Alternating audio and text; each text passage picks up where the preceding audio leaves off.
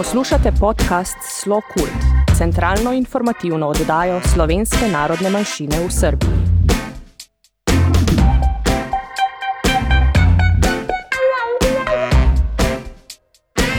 Dragi slušalci, dobrodošli u još jednu emisiju Slokult podcasta, informativnu emisiju namenjenu članovima slovenačke zajednice u Srbiji, slovencima po svetu i u Matici, kao i svim zainteresovanim za slovenačku kulturu i savremeno stvaralaštvo slovenačke zajednice u Srbiji.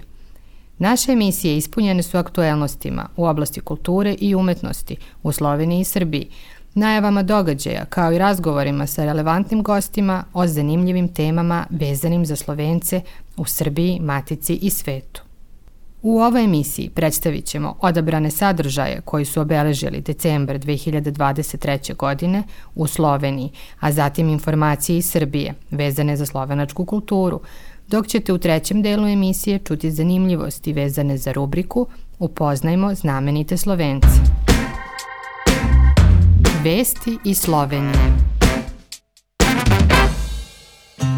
U centru organizatora sajma ilustracije u Stritarjevoj ulici u Ljubljani 2. decembra otvorena je ovogodišnja deveta po redu manifestacija. Predstavljena su dela 32 umetnika različitih generacija. Reč je o originalnim likovnim radovima, potpisanim grafikama i slikama, a sav sadržaj dostupan je i online – Pored same izložbe, organizatori su se potrudili da naprave i zanimljiv prateći program u kojem su svi posetioci bili u prilici da razgovaraju sa umetnicima, a posebnu pažnju privukle su likovne radionice namenjene najmlađima. Sajam ilustracija otvoren je do 24. decembra. Inspirativna i neuobičajena izložba Slovenački punk i fotografija otvorena je 5. decembra u Cankarevom domu u Ljubljani a kustoskinja je Marina Gržinić, istaknuta slovenačka filozofkinja, teoretičarka i umetnica. Ova velika pregledna izložba povezuje fotografiju sa različitim aspektima slovenačkog punk pokreta, obuhvatajući period od 1977. do sredine 80. godina 20. veka – Pored toga, izložba pruža uvid u važnu ulogu koju je fotografija imala u dokumentovanju i izražavanju slovenačkog punk pokreta, ali i drugih događaja koji su obeležili subkulturu tog perioda. Slovenački punk je doprineo stvaranju smele i provokativne fotografske estetike, koja je i danas veoma prepoznatljiva, a pored muzike, punk je obeležio i modu kao i stil života. Fotografija je bila važna za izražavanje punk duha, za prenošenje poruka o društvenim i političkim pitanjima, ali i za samo stvaranje vizualnih slika koja dočaravaju to vreme. U najvećem broju primjera, fotografije punk subkulture predstavljaju događaje na koncertima, ulične proteste i alternativna mesta na kojima su se punkeri okupljali. Nosioci ove subkulture fotografisani su u ekscentričnim i provokativnim pozama i sa izrazitim modnim stilizacijama koje su pokazivale njihovu neposrednost, ali i anarhiju i bunt. Izložba je otvorena do 11. februara 2024. godine. U Mariborskom lutkarskom pozorištu 6. decembra premijerno izvedena predstava Dš, Dš, Dševnik, koja je decu i njihove roditelje vodila na put otkrivanja malih i velikih tajni sveta koji vidimo i čujemo, kao i sveta koji otkrivamo kroz pokret, glas i igru – Ovo je predstava društva Nagib, udruženja za kulturnu produkciju i afirmaciju umetničkih procesa, a za režiju je bila zadužena Saška Rakev. Predstava je posvećena deci predškolskog uzrasta, a nastala je u cilju ispitivanja različitih odnosa. Oblikovana u okviru prostora za igru i eksperimentisanje, predstava se zasniva na interaktivnom odnosu između dece, njihovih roditelja i umetnika – koji zajedno ispituju načine na koje deca treba da razumeju svoj unutrašnji i spoljašnji svet, kao i život sa drugima, a sve u želji da od najranijeg uzrasta oblikuju zdrav društveni krug. Sa druge strane, razvijajući pažnju kroz deči iskustvo, odrasle osobe, odnosno roditelji, ujedno razvijaju i svoju osetljivost i emocionalnu reakciju, a to može da posluži i u njihovim svakodnevnim odnosima kako sa drugima iz njihovog društvenog kruga, tako i u odnosima sa sobstvenom decom. Ovo je naglasila rediteljka Saška Rakev. Kulturne informacije iz Srbije. U subotu 2. decembra Društvo Slovenaca Triglav iz Banja Luke posetilo je Društvo Slovenaca u Beogradu, Društvo Sava. Predstavnici društva Triglav iz Banja Luke održali su prezentaciju svoje izdavačke delatnosti i publici u Beogradu predstavili monografiju Od predaka do potomaka, Slovenci u Slatini i Banja Luci, kao i dvojezične knjige, Kofer sa duplim dnom, Ključ za dvije brave, Put na plavu planetu, Kakva dobra knjiga, U srčanom džepu, Uz kafu, kao i slikovnice, Put knjige, koja je prevedena sa slovenačkog na srpski jezik, i Pod more, čija je autorka mlada članica društva Milica Marjanović, koja ima 11 godina. Milica je ovom prilikom publici pročitala odlomak iz svoje knjige. Na poziv Društva Slovenaca u Beogradu, Društva Sava, gospođa Vesna Humar, državna sekretarka na Uradu za Slovence u zamejstvu im po svetu, posetila je Srbiju – Gospođa Humar se odazvala pozivu da prisustuje otvaranju devete po redu revije Dani slovenačkog filma. U okviru svoje posete Srbiji državna sekretarka je gostovala i u Rumi, gde je nedavno izgorela prostorija društva Slovenaca Emona. Tamo ju je dočekao predsednik društva Emona, gospodin Zoran Jovičić. Tom prilikom je dogovoreno da će urad pomoći obnovu prostorija i nastavak nastave slovenačkog jezika u Rumi.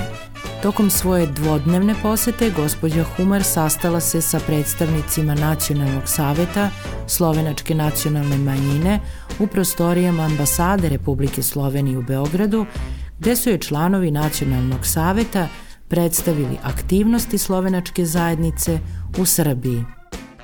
Deveta po redu revija Dani slovenačkog filma održana je od 7. do 10. decembra u Jugoslovenskoj kinoteci u Beogradu, a brojni posetioci imali su priliku da premijerno pogledaju neke od najatraktivnijih i nagrađivanih igranih i dokumentarnih filmskih naslova iz novije slovenačke produkcije.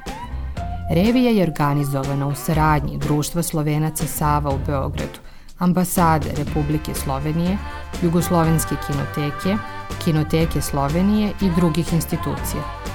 Kao uvod u glavni program revije u utorak 5. decembra u maloj sali Doma kulture Studentski grad u okviru pratećeg programa DSF+, prikazano je devet kratkih igranih, dokumentarnih i animiranih filmova savremeno slovenačke produkcije – U četvrtak 7. decembra u Jugoslovenskoj kinoteci, nakon projekcije filmova Ivan Marinček Žan, Radovana Čoka i Tamni pokrivač sveta Amira Muratovića, otvorena je izložba posvećena Ivanu Marinčeku, pioniru slovenačke jugoslovenske kinematografije, direktoru fotografije i montažeru.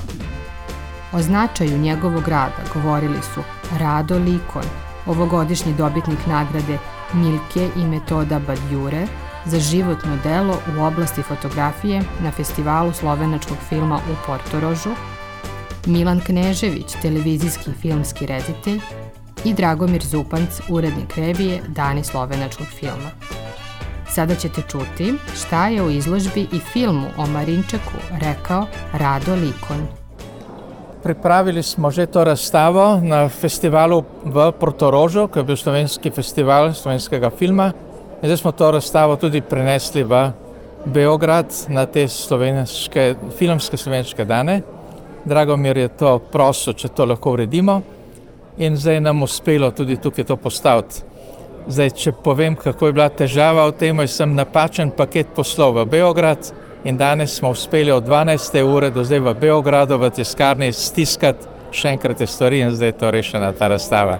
To je bil za me največji šok danes, ampak zdaj sem vesel, da je tudi to urejeno.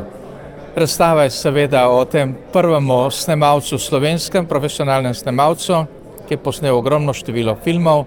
Jutri bomo več povedali o teh filmih na okrogli mizi bo Radovan Čok, ki ve vse stvari o Marinčku, on bo povedal detaljno, prvi film, drugi in vse tako. Tako jaz sam lahko to povem, da smo dobro sem poznal gospoda Marinčka, smo bili da skupaj in uh, sreča, da smo tudi šli posneti film še pravočasno. No, Nakon svečanog koktela na kojem su prisustvovale brojne zvanice i mediji Srbije i Slovenije, a koje su pripremili volonteri Društva Slovenaca Sava, usledilo i zvanično otvaranje revije Dani slovenačkog filma. Prisutnima i gostima obratili su se Saša Verbić, predsednik Društva Slovenaca Sava i Nacionalnog saveta Slovenačke nacionalne manjine u Srbiji, njegova ekscelencija gospodin Damjan Bergant, ambasador Republike Slovenije u Beogradu, Vesna Humar, državna sekretarka pri uradu Republike Slovenije za Slovence, za mejstvu in po svetu, kao i Tina Lešničar, predstavnica Slovenačkog filmskog centra. Program je vodila Milica Gacin, a proslavljeni dramski i filmski umetnik Nikola Kojo reviju je proglasio otvorenom. A u toku koktela Katarina Đorđević-Urošević razgovarala je sa Sašom Verbičem, Dragomirom Zupancom i Irenom Herak, savjetnicom za kulturu i medije ambasade Republike Slovenije u Beogradu, koja je najavila i jubilarno izdanje revije koja će biti održana 2024. godine. Sada ćete čuti fragmente tih razgovora. Danas bo otvoritev devete po vrsti uh, revije Dnevi slovenskega filma. Uh, to je zelo velik uspeh za nas, da se ta projekt obdržal uspešno devet let in vsakokrat je boljši in boljše. Imamo dobre filme, imamo avtorje filmov, tako da mislim da je celi projekt uspel posebej, ker smo povezali slovensko in srpsko kinematografijo, pa obenem prezentiramo slovensko kulturo na tem prostoru v Srbiji. Slovenska kinematografija ni tu preveč znana, tako da je to priložnost, da se srpska publika spozna z enim produkcijo slovensko, sodobnu slovensko produkcijo. Na početku smo jednog, jedne revije koja traje već devetu godinu. A, ima puno, puno sveta, puno ljudi koji, koji interesuju da vide slovenski film.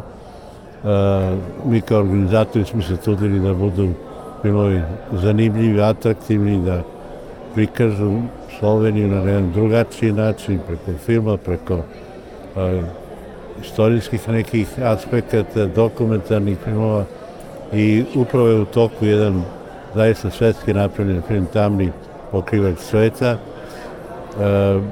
o zaista jednom podvigu jednog pilota i novinara koji avionom obilazi svet i meri tu strašnu zagađenost koja obuhvatila celu planetu. Iza mene je ovde izložba Ivana Marinčeka, to je metera snimateljski slovenački, njemu ćemo posvetiti, bio je film o njemu, a sutra ćemo posvetiti i okrugli sto, odnosno snimateljima opšte. Tema je stil i manirizam filmske fotografije. Pa dobro večer, moje ime je Irena Herak, ja sam savjetnica za kulturu i medije na ambasadi Slovenije u Beogradu i sad smo u polu Jugoslovenske kinoteke gde sa zadovoljstvom očekivamo otvaranje devetih dana slovenačkog filma u Beogradu i širom Srbije. A, ja se iskreno jako radujem jer u programu ima nekoliko filmova koji su ovu godinu dobili na festivalu slovenačkog filma u Portoružu, a, najveću nagradu Vesna, mislim nagradu za film Vesna i jedva čekam da vidim ove filmove, razgovaram sa umetnicima i da se družimo i sa zadovoljstvom već najavljujem a, deseti jubilarni festival koji će se dešavati sledeću godinu u maju. Tad mislim da će biti neki prosek, sa, bar ja mislim, nisam to ja glavna, ali nekako očekivam da će to biti krem de la krem slovenačkog filma od kad postojimo. Prve večeri revije Dani slovenačkog filma publika u Jugoslovenskoj kinoteci bila je u prilici da pogleda kratki film Samo diši Aneja Golčara, kao i ostvarenje Jahači Dominika Menceja, u kojem je jedan od protagonista bio Nikola Kojo. Katarina Đorđević-Urošević razgovarala je sa Nikolom Kojom o njegovoj saradnji sa slovenačkim umetnicima i o filmu Jahači. A evo šta je on rekao. Ja sam sa već igrao u nekim slovenačkim filmovima, radio sam i o ovom. Imam nameru da radim još jedan projekat moj koji, koji treba da režiram, koji se jedna čak trećina filma događa u Sloveniji. I tako, dosta smo, dosta smo povezani, dosta prijatelja, poslovnih saradnika i, i volim i cenim njihovu kinematografiju slovensku.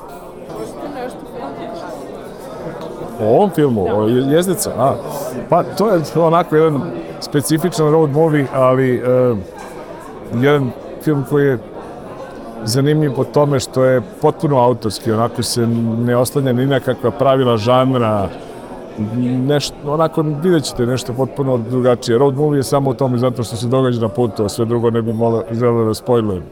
Ali film ima jednu, jedan svoj autentičan rediteljski rukopis i po tome mislim posebno nov i zanimljiv ne samo u Evropi nego i u Sloveniji.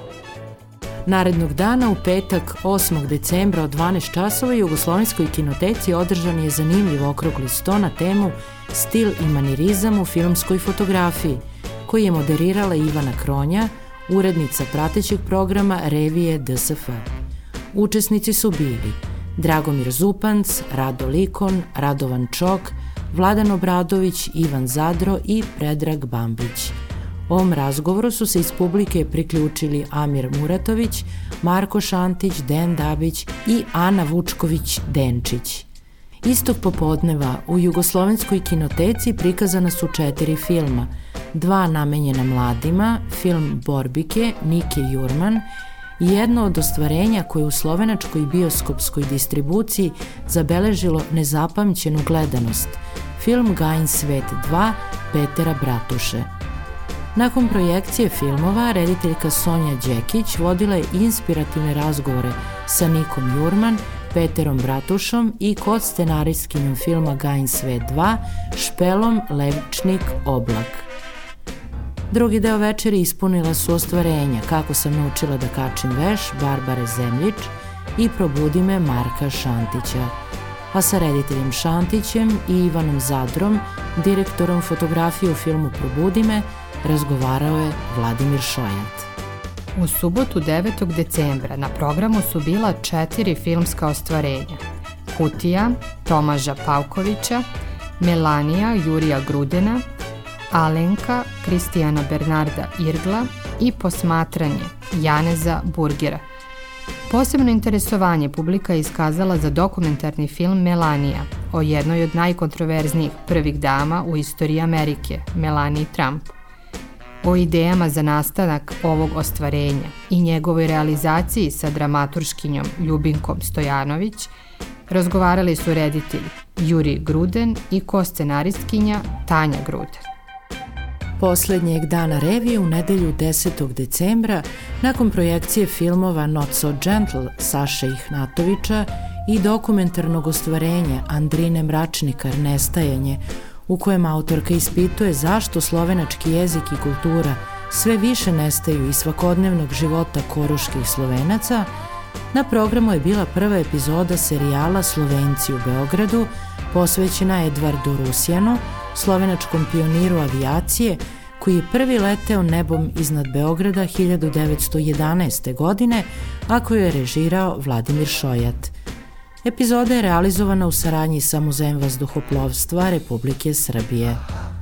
U zanimljivom razgovoru nakon projekcije filma, koji je moderirala Sonja Đekić, učestvovali su Saša Verbić, predsednik društva Sava i koproducent filma, Mirjana Novaković-Munišević, viši kustos Muzeja vazduhoplovstva, koja je bila i učesnica u ovoj seriji, kao i reditelj Vladimir Šojat. Ovogodišnja revija DSF zaokružena je prikazivanjem filma Pero Damjana Kozolea, dokumentovanog omaža o Peteru Musevskom, jednom od najcenjenijih slovenačkih glumaca, koji je nakon neuspešne borbe sa depresijom okončao život na početku pandemije koronavirusa. Ovaj film je između ostalih ovenčan i posebnim priznanjem selekcije Hrabri Balkan na festivalu autorskog filma u Beogradu – koji je održan neposredno pred početak revije DSF. A u toku revije Dani slovenačkog filma Dragomiru Zupancu uručena je nagrada Branko Vučićević osmog festivala Metafilma u Beogradu. Ovom prilikom gospodinu Zupancu čestitamo od srca. Inače, pored Beograda, revija DSF biće održana tokom decembra i početkom naredne godine i u kulturnim centrima iz Niša, Novog Sada, Smedereva, Pančeva, Kovina, Vršca i Bora. U sredu 13. decembra u prostorijama društva Sava svoje drugo po redu putopisno predavanje održala je članica društva Ivana Dukčević, magistar primenjenih umetnosti, profesor, fotograf i putopisac, autorka 14 publikovanih knjiga o putovanjima. Nakon predavanja o Peru, održanog u novembru mesecu, Ivana je predstavila još jedno od svojih putovanja, praćeno autorskim fotografijama – ovog puta o Japanu. Ivana Dukčević je inače autorka internet stranice umetnostputovanja.rs i društvenih mreža istog naziva. U subotu, 16. decembra, održana je peta redovna sednica Nacionalnog saveta Slovenačke nacionalne manjine u Beogradu. Na sednici su predstavljeni izveštaji iz 2023. godine i planovi za novu 2024. godinu. Istog dana u društvu Sava organizovano je Miklauževanje. Najmlađi članovi društva Sava, kao i svake godine, posjetio je Sveti Miklauž i darovao im poklone za novu godinu. Deca su za njega pripremila recitatorsku predstavu uz pozornicu Kamiši Baj, na kojoj su recitacije likovno predstavili – Vredno su se pripremali na Kamiši Baj radionicama uz pomoć učiteljice Tatjane Bukvić i autorki projekta Kamiši Baj radionice za decu Ivane Mandić. Pored toga odsvirali su mu i nekoliko numera na klavijaturama i otpevali pesmu Siva kučma, Bela brada uz pratnju na gitari Borisa Seničara – Ove godine, osim i Klauževih poklona, decu, polaznike nastave slovenačkog jezika, darovala su i deca članovi Društva za razvijanje prostovoljnjega dela iz Novog mesta u Sloveniji, kojima se ovom prilikom najlepše zahvaljujemo. Ovo Miklauževanje bilo je posebno, jer je njegov domaćin već 13. put za redom bila učiteljica dopunske nastave slovenačkog jezika Tatjana Bukvić – i koja nakon toga završava svoj rad i odlazi u penziju. Svi učenici su učiteljici pripremili čestitke sa divnim željama.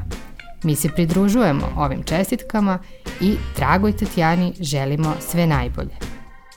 Obaveštavamo sve članove društva Sava da će nastupiti kratka zimska pauza kada su u pitanju nastava slovenačkog jezika kao i rad Kancelarije za administrativne poslove – O svemu se možete informisati tokom praznika preko našeg sajta, kao i putem naše mail adrese društvosava.gmail.com. Dragi slušalci, budite slobodni da sve zanimljive i važne informacije koje su vezane za kulturne i druge događaje slovenačke zajednice u Srbiji, kao i u Sloveniji, podelite sa nama. Vaše predloge možete poslati na našu e-mail adresu redakcija at slokult.info. Upoznajmo znamenite Slovence.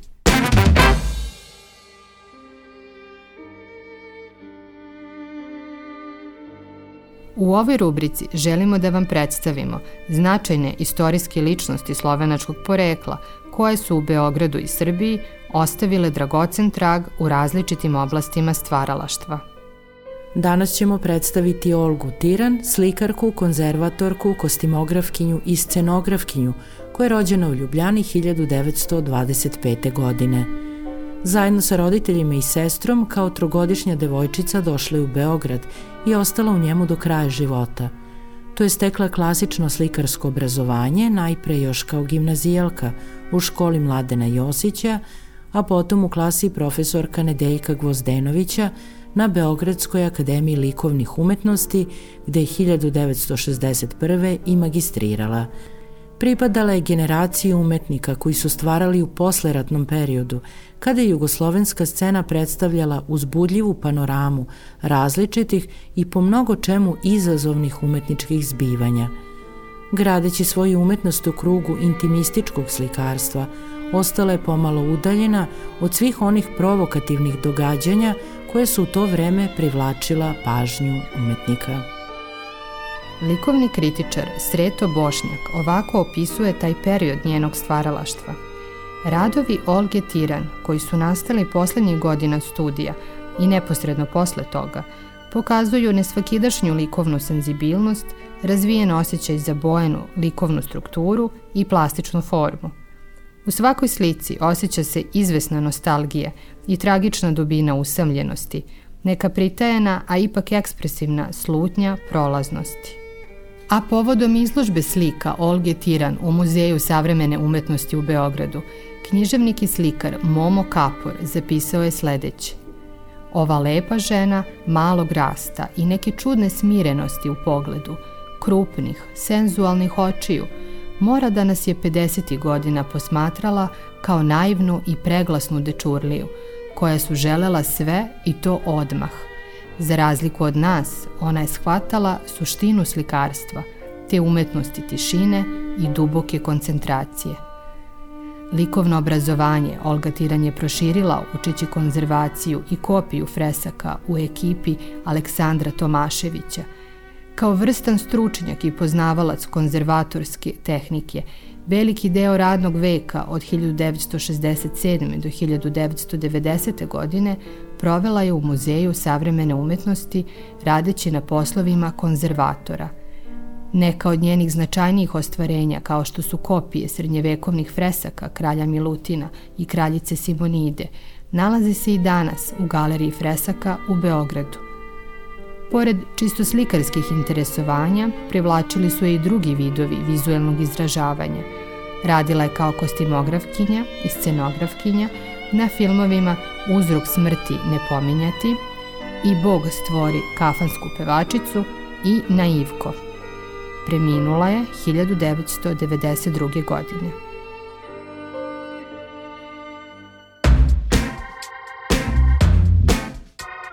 Dragi slušaoci, To bi bilo sve što smo vam pripremili za danas. Naš podcast možete pratiti na svim relevantnim platformama kao i na sajtu slokult.info. Sa vama su bile Ivana Mandić i Irina Maksimović-Šašić. Tehnička realizacija Dino Dolničar. Redakcija Slokult podcasta Tanja Tomazin, Ivana Mandić, Saša Verbić, Dino Dolničar – Katarina Đorđević-Urošević i Irina Maksimović-Šašić. Sve najbolje vam želimo u novoj godini.